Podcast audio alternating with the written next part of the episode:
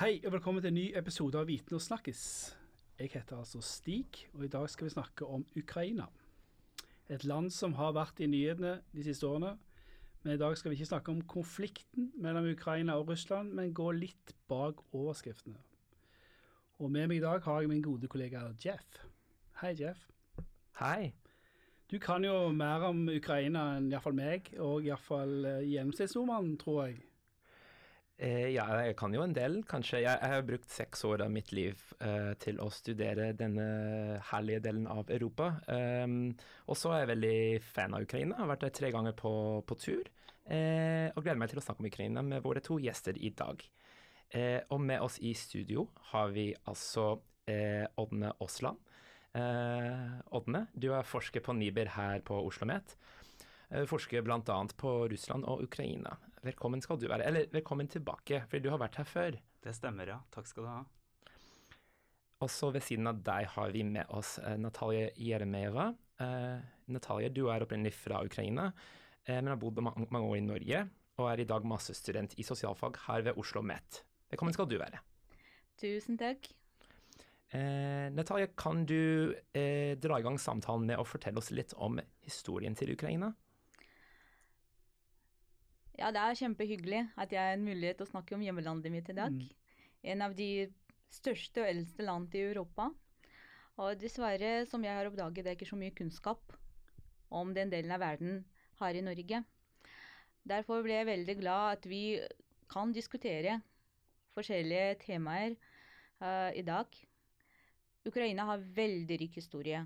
Går tilbake tusenvis av år. Det var et land uten land, man kan si. Uh, I mange hundre år var Ukraina delt mellom nabolandene sine. Og det ser vi i dag i forskjeller, forskjeller uh, i historie, i språk, identitet og mange andre ting. Ukrainsk språk har utviklet seg sammen med andre østeuropeiske språk. Vi har veldig rik litteratur.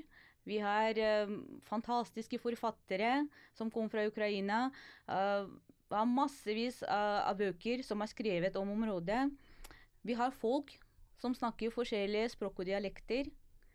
Tenk deg, uh, ukrainsk stat eksisterte ikke i mange år, men Ukraina ble delt mellom russisk imperie, mellom uh, Østerriks og uh, ungarsk imperie, Romania, Polen, og alt dette hadde innflytelse på hva Ukraina er i dag. Uh, det hadde sine svakheter, det har det sine fordeler. Og jeg håper vi kan dekke alle de temaene i dag også. Fint. Eh, Ådne, kunne du gått litt eh, mer inn på det med språk? Eh, hvordan kjennetegnes språkbildet eh, i Ukraina? Det er jo ett uh, offisielt språk nå i Ukraina, og det er ukrainsk. Men uh, siden Ukraina var del av Sovjetunionen, så var det russisk som var uh, det viktigste språket den gang. Og Eh, jeg vil si at eh, russisk også preger veldig mye av språkbildet i Ukraina, ved at mange, selv de som er, eh, identifiserer seg som ukrainere, mange av dem bruker også russisk og, i dagligtale. Men et flertall i dag vil nok si at ukrainsk er deres hjemmespråk, eller det de bruker mest. Og så bruker de også russisk i kommunikasjon med andre. Eh, det er store etniske minoriteter i Ukraina, og mange av dem bruker da sine, sine språk som eh, hjemme, og så, og så, bruker de enten russisk eller ukrainsk når de snakker med folk eh, i utdanningsinstitusjoner eller når de treffer folk på gata. Men kan ikke fortelle litt om hvordan disse regionale forskjellene eller etniske sammensetninger hvordan det er i Ukraina for en som ikke kan så mye om det? Hva jeg skulle bare si en ting. Uh, ting dere, uh, det er flere generasjoner i et land som har vokst opp som, som flerspråklige. Det er mer eller mindre unik situasjon i Europa. Uh, til og med det er mange som snakker russisk som morsmål. De snakker også flytende ukrainsk i tillegg til det. Og de fleste av dem har ukrainsk identitet. Det er en blanding som gjør Ukraina ganske unikt sted. Og jeg, for eksempel, jeg er en eksempel av uh, sånne folk. Jeg har også snakket russisk fra dagene jeg ble født. Mm. Men likevel er flytende ukrainsk og elsker landet og ønsker det aller beste. Det er jo sånn i Ukraina at det er forskjeller mellom de vestlige delene og de østlige delene av landet. Det er ofte det skillet man trekker, ja. Eh, selv om det er eh, også store forskjeller innad i disse delene av landet. Men i Øst-Ukraina så er det flere som snakker russisk, og det er større eh, russiskspråklig og russisk etnisk folk med russisk etnisk identitet. I Vest-Ukraina så er folk mer uh, ukrainifisert. Dvs. Si at det er uh, flere som ikke snakker russisk. De vil heller helst ikke snakke russisk mange steder. Um, sånn at uh, det, det, er tydelige forskjeller, som også gjenspeiler seg i politiske holdninger, f.eks. Hvordan har dette rot i historien? Uh, ja, det har rot i historien fordi Ukraina, vestlige delene, var del, mer deler av polske ja. Altså under Polen. og Eh, og mens de østlige delene har vært eh, mer eh, knyttet til, sterkere knyttet til det russiske imperiet. Men under Sovjetunionen så var det begge delene da De ble ikke det, mer samla da, eller? Det er også økonomiske forskjeller. F.eks. For i østlige deler så befinner den Donbas-regionen seg, som er kjent for konflikten i dag. Og dit kom det, det, det var den delen som ble mest industrialisert. sånn at der bygde man Der var det utvinning av naturressurser, og det var også stor tungindustri. Og da innførte man, eller fikk man mange innvandrere fra eh, andre deler av Sovjetunionen som flyttet dit, og, og, tenkte ikke på seg selv spesielt som ukrainere, men som eh, deler av det store Sovjetunionen. Ukraina generelt gjør ikke så bra økonomisk, dessverre. Det er mange problemer, og de kommer fra de markedsreformene etter Sovjetunionen har kollapset. ikke mm. sant? Og de ble ikke løst enda, dessverre. Det er en stor del av befolkningen som bor under fattigdomsgrense. Og det finner vi i alle regioner. Det er selvfølgelig situasjonen i store byer er litt bedre, fordi det er bedre mm. tilgang til arbeid. Uh, på landet er det litt vanskeligere. Det er mange små bygder som nesten forsvinner fra, fra kartet. Fordi folk flytter. Men uh, intern migrasjon det er helt vanlig fenomen. Det finner vi i alle land, i alle slags samfunn. Mm. Så når vi snakker om regionale forskjeller, uh, det er ikke så mange økonomiske forskjeller vi kan, vi kan trekke ut. Men um, tilbake til um, identitet. Um, ordner du Eh, er involvert i et prosjekt eh, på Niber som ser på to grensebyer i Ukraina. Eh, Chernivtsi, som ligger bare noen kilometer fra Romania-grensen, og Kharkiv, som ligger kanskje like langt fra den russiske grensen. Hva går det prosjektet ut på? Du, Der skal vi ikke se bare på disse byene, men på hele regionene, altså de, provinsene Kharkiv og Chernivtsi. Eh, der skal vi se på hvordan eh, etniske forhold utspiller seg når Ukraina innfører mer nasjonaliserende politikk. Dvs. Si f.eks. har man fått en ny språklov i Ukraina som gjør at man nå skal få undervisning eh, på, ikke på morsmålet, sånn som minoriteten har fått før, men fra femte klasse så blir det kun på ukrainsk. Og det har vært ganske mye motstand mot det, ikke bare i disse regionene, men også i nabolandene, som reagerer på at ikke deres eh, såkalt etniske minoriteter skal få undervisning på sine språk. Så vi skal se i praksis hvordan eh, dette utspiller seg. Eh, og I tillegg så er det en, nå en desentraliseringsreform som innebærer også at kommuner, sånn som i Norge, slår seg sammen. Mm. Eh, da har det vært eh, etnisk homogene kommuner, dvs. Si at kommuner hvor det har bodd f.eks. rumenere, som nå skal slå seg sammen med kommuner hvor det kanskje har vært en annen etnisk gruppe, som ukrainere f.eks. Og hvordan håndterer man det når, man, når disse gruppene skal leve sammen i samme kommune? Så vi er opptatt av det som skjer i dag, og hvordan hvordan det utspiller seg i praksis da, dette, når, når, Ukraina gjennomfører denne type reformer. Hvorfor, hvorfor gjennomfører man reformen? Eh, eh reformen, altså Ukraina har vært veldig sentralisert styrt. Eh, det er en arv fra Sovjetunionen, sovjettiden. Og Det er først nå at man begynner med desentraliseringsreformer som gjør at man skal få mer makt nedover i systemet. og Det har vært mange modeller og diskusjoner rundt hva som er en god uh, hvordan man kan desentralisere Ukraina. Noen ønsker en føderasjon hvor disse ulike regionene har sterk innflytelse, mens andre tenker at det vil være en utfordring fordi det vil kunne skape splittelse og, og kanskje store problemer. da. Eh, og Derfor så har man heller satset på en desentralisering der det blir sterke kommuner. Så fra å være rundt 11 000 kommuner, så skal man ned um, ideelt sett ned til 1500 kommuner. Og, og, de skal da få mer, beholde mer av sine skatteinntekter og få bestemme mer selv. Ja. Mm. Hva syns befolkningen om disse reformene? Er, de, er, det støtte for dem i den ukrainske befolkningen? Ja, det er faktisk eh, ganske sterk støtte for det. Eh, folk har jo generelt veldig lav tillit eh, til politikere. Det, vi har mm. gjennomført en stor lokaldemokratiundersøkelse hvor folk viser at de, tilliten til politikerne er dårlig, men det er noe bedre til lokale myndigheter enn til de nasjonale myndigheter.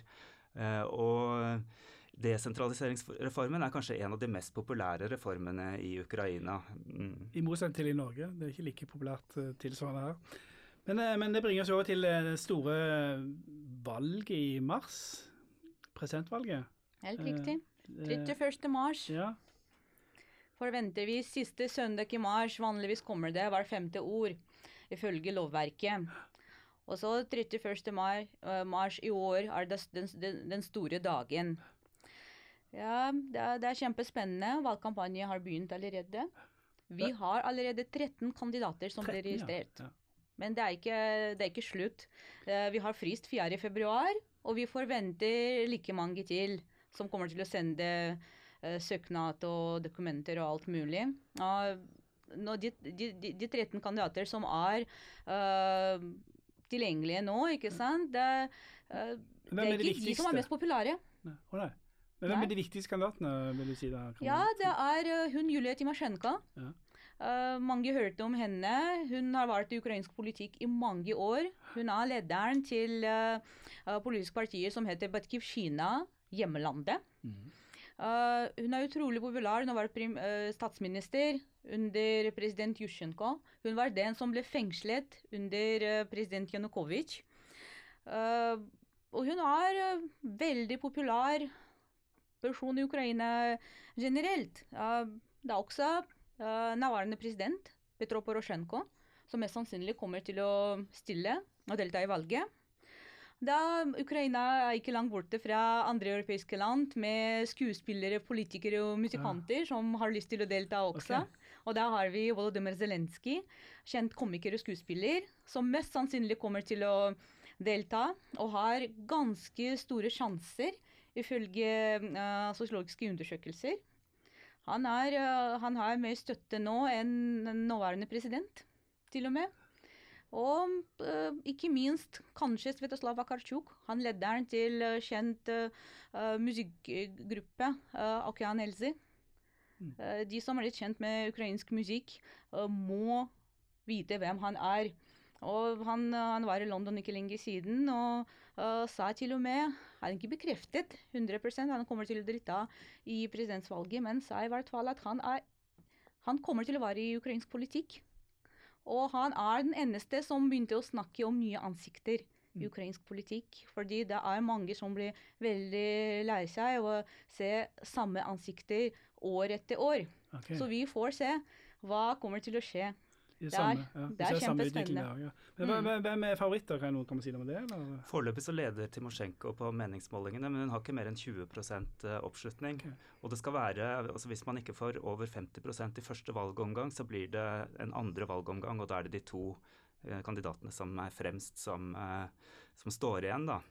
Det er også I Ukraina så er det veldig viktig å ha administrative ressurser. sånn at uh, Porosjenko, selv om han ligger langt bak og er ganske upopulær, så har han stor støtte i administrative apparat rundt omkring. Så mange tenker at han kanskje kan likevel da lure ut en seier, selv om, uh, selv om han ligger dårlig an på meningsmålingene. Hvis vi tar ett skritt tilbake, så er det ikke noen selvfølge at uh, Ukraina har demokratiske presidentvalg. Eh, eller demokratiske parlamentvalg. Eh, kan dere si litt om eh, hvordan det går med det ukrainske demokratiet. Og kanskje trekke inn er det noen faktorer som begrenser demokratiet, f.eks. oligarkenes makt, eller noen andre faktorer? Eh, ja, oligarkene har fortsatt veldig stor makt. Og man kan knapt ha en, eh, et politisk parti uten at man har stor eh, støtte i næringsliv eller næringslivsinteresser. Og, og alle de store partiene har sterke økonomiske interesser som står bak dem. Sånn at, og, det, er også sånn at i ukrainsk politikk så er det veldig mye av eh, de viktige beslutningene som tas på bakrommet. Dvs. Si at eh, man inngår kompromisser, men ikke i det åpne offentlige rom, men gjennom kjøpslåing mellom ulike økonomiske og politiske interesser. Og det kan være kryssende interesser både regionalt og, eh, og politisk og mellom ulike partier og fraksjoner. Og, og det, det er vanskelig å trenge inn i akkurat uh, de ulike konstellasjonene til enhver tid, men, men, at det er noen veldig store, viktige uh, næringslivsaktører som har betydelig innflytelse, det er i hvert fall helt sikkert. Det er selvfølgelig veldig viktig spørsmål. Ukrainsk demokrati, hvordan det utvikler seg. Uh, hva kommer til å skje med den? Uh, Ådne har snakket allerede om lav tillit til uh, de fleste nasjonale institusjoner. Det er også en av begrensningene til, til uh, demokratiet. Det er det folk uh, mener demokratiet er. er. De støtter ikke uh, de institusjonene som må gjøre at demokratiet fungerer riktig. Det er også en del korrupsjon. Mm. det spørsmålet som Ukraina prøvde å løse i mange, mange år, det gikk ikke så bra så lenge korrupsjon har fortsatt en av de viktigste problemene i landet. Og til og med uh, personlige friheter. Og når det, når det gjelder medier spesielt. Uh, når vi snakker om oligarker, det som Ådne nevnte akkurat nå, det er mange TV-kanaler f.eks. som eies av oligarkene. Så mm. hva slags frihet snakker vi da? Det er også tingene som begrenser demokratiutvikling generelt.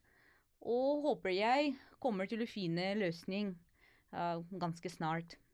Samtidig så legges det jo press på Ukraina fra bl.a. vestlige samarbeidsland og institusjoner, som jeg tror er veldig viktig for at de skal faktisk drive demokratiutviklingen framover. fordi at jeg tror ikke at vi skal tolerere eh, at uh, Ukraina har en annen type Eh, dem, eh, demokratisk utvikling enn det vi forventer. Eh, det må ta tid, selvfølgelig, men at det i hvert fall går i riktig retning. Og sånn som det ser ut nå, så er det litt for mange eh, unntak da, fra en demokratisk utvikling som, som, den, som man kunne ønsket seg.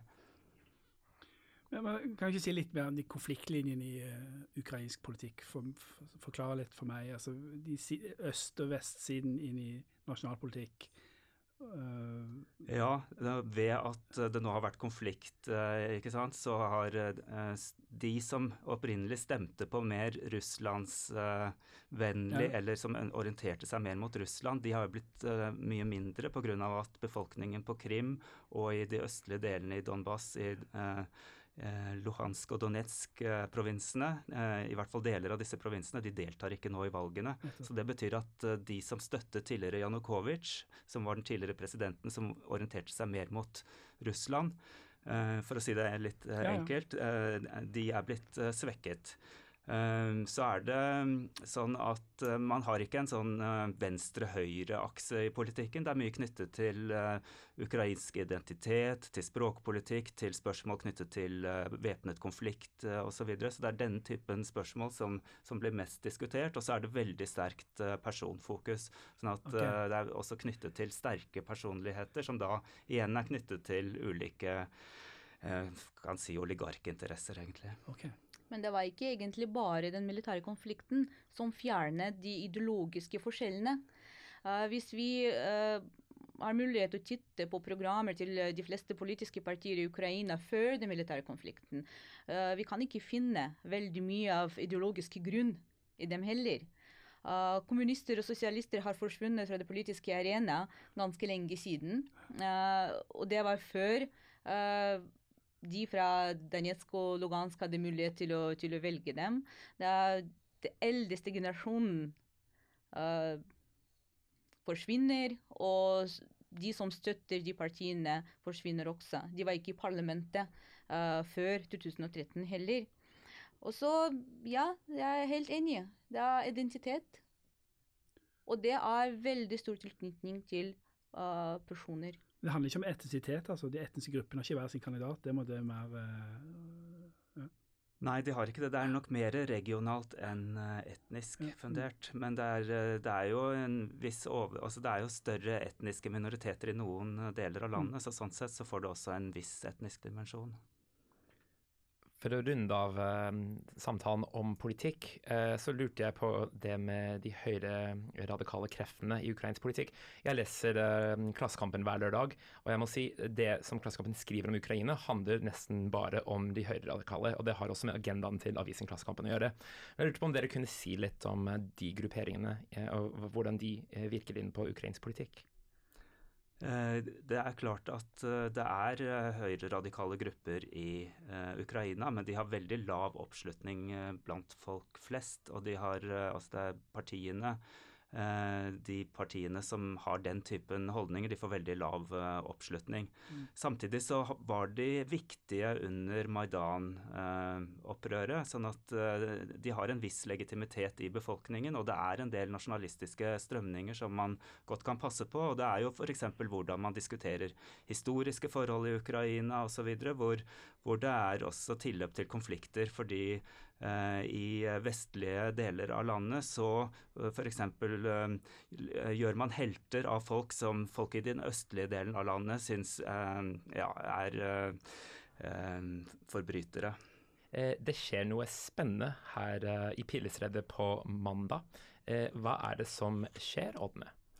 Du, da er det en stor eh, konferanse, et næringslivsforum, som eh, Oslo OsloMet eh, samarbeider med Norsk-ukrainsk handelskammer om å arrangere. Så da kommer den ukrainske statsministeren på statsbesøk til Norge, og i løpet av hans besøk så kommer han til å åpne, etter vår rektor, da, åpne arrangementet med en tale sammen med vår egen statsminister Erna Solberg.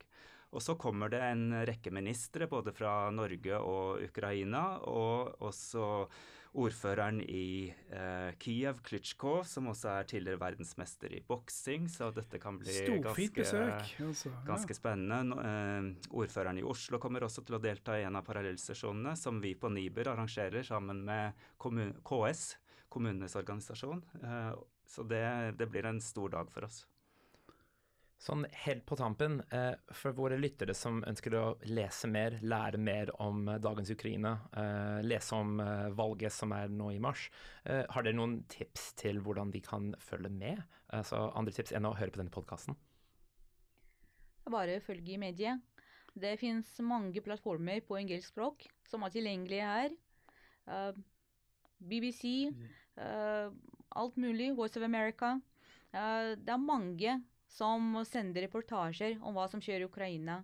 Det er dessverre ikke så mye i norske medier, men vi håper at uh, det blir litt mer interesse skapt uh, uh, etter Norsk-ukrainsk forum også. Ja, okay. ja, For de som leser engelsk, det er det Sergij Pluhi, direktøren til Ukrainsk Harvard-institutt, som har skrevet en del bøker fra gamle dager i Ukraina til den nyeste historie. Han nyeste boken handler om Tsjernobyl og har fått allerede en av uh, prisene. ikke sant? Jeg husker ikke akkurat hva det er nå. Men uh, kjempegod forfatter. Uh, fantastisk lesing. For de som har lyst til å følge mer, kanskje Anne Applebaum kunne jeg anbefale også. Hun snakker om den perioden, den mest tragiske perioden i ukrainsk historie, som har å gjøre med sult. av 30, ja, 1930. Nei, men eh, Tusen takk for at dere kom her og lærte oss om Ukraina. Eh, du har blitt litt klokere, Jeff? Ja. ja. Et spennende land og en uh, bra samtale. Takk til begge dere som var i studio i dag. Og så takker vi våre lyttere for at dere var med og hørte på i dag.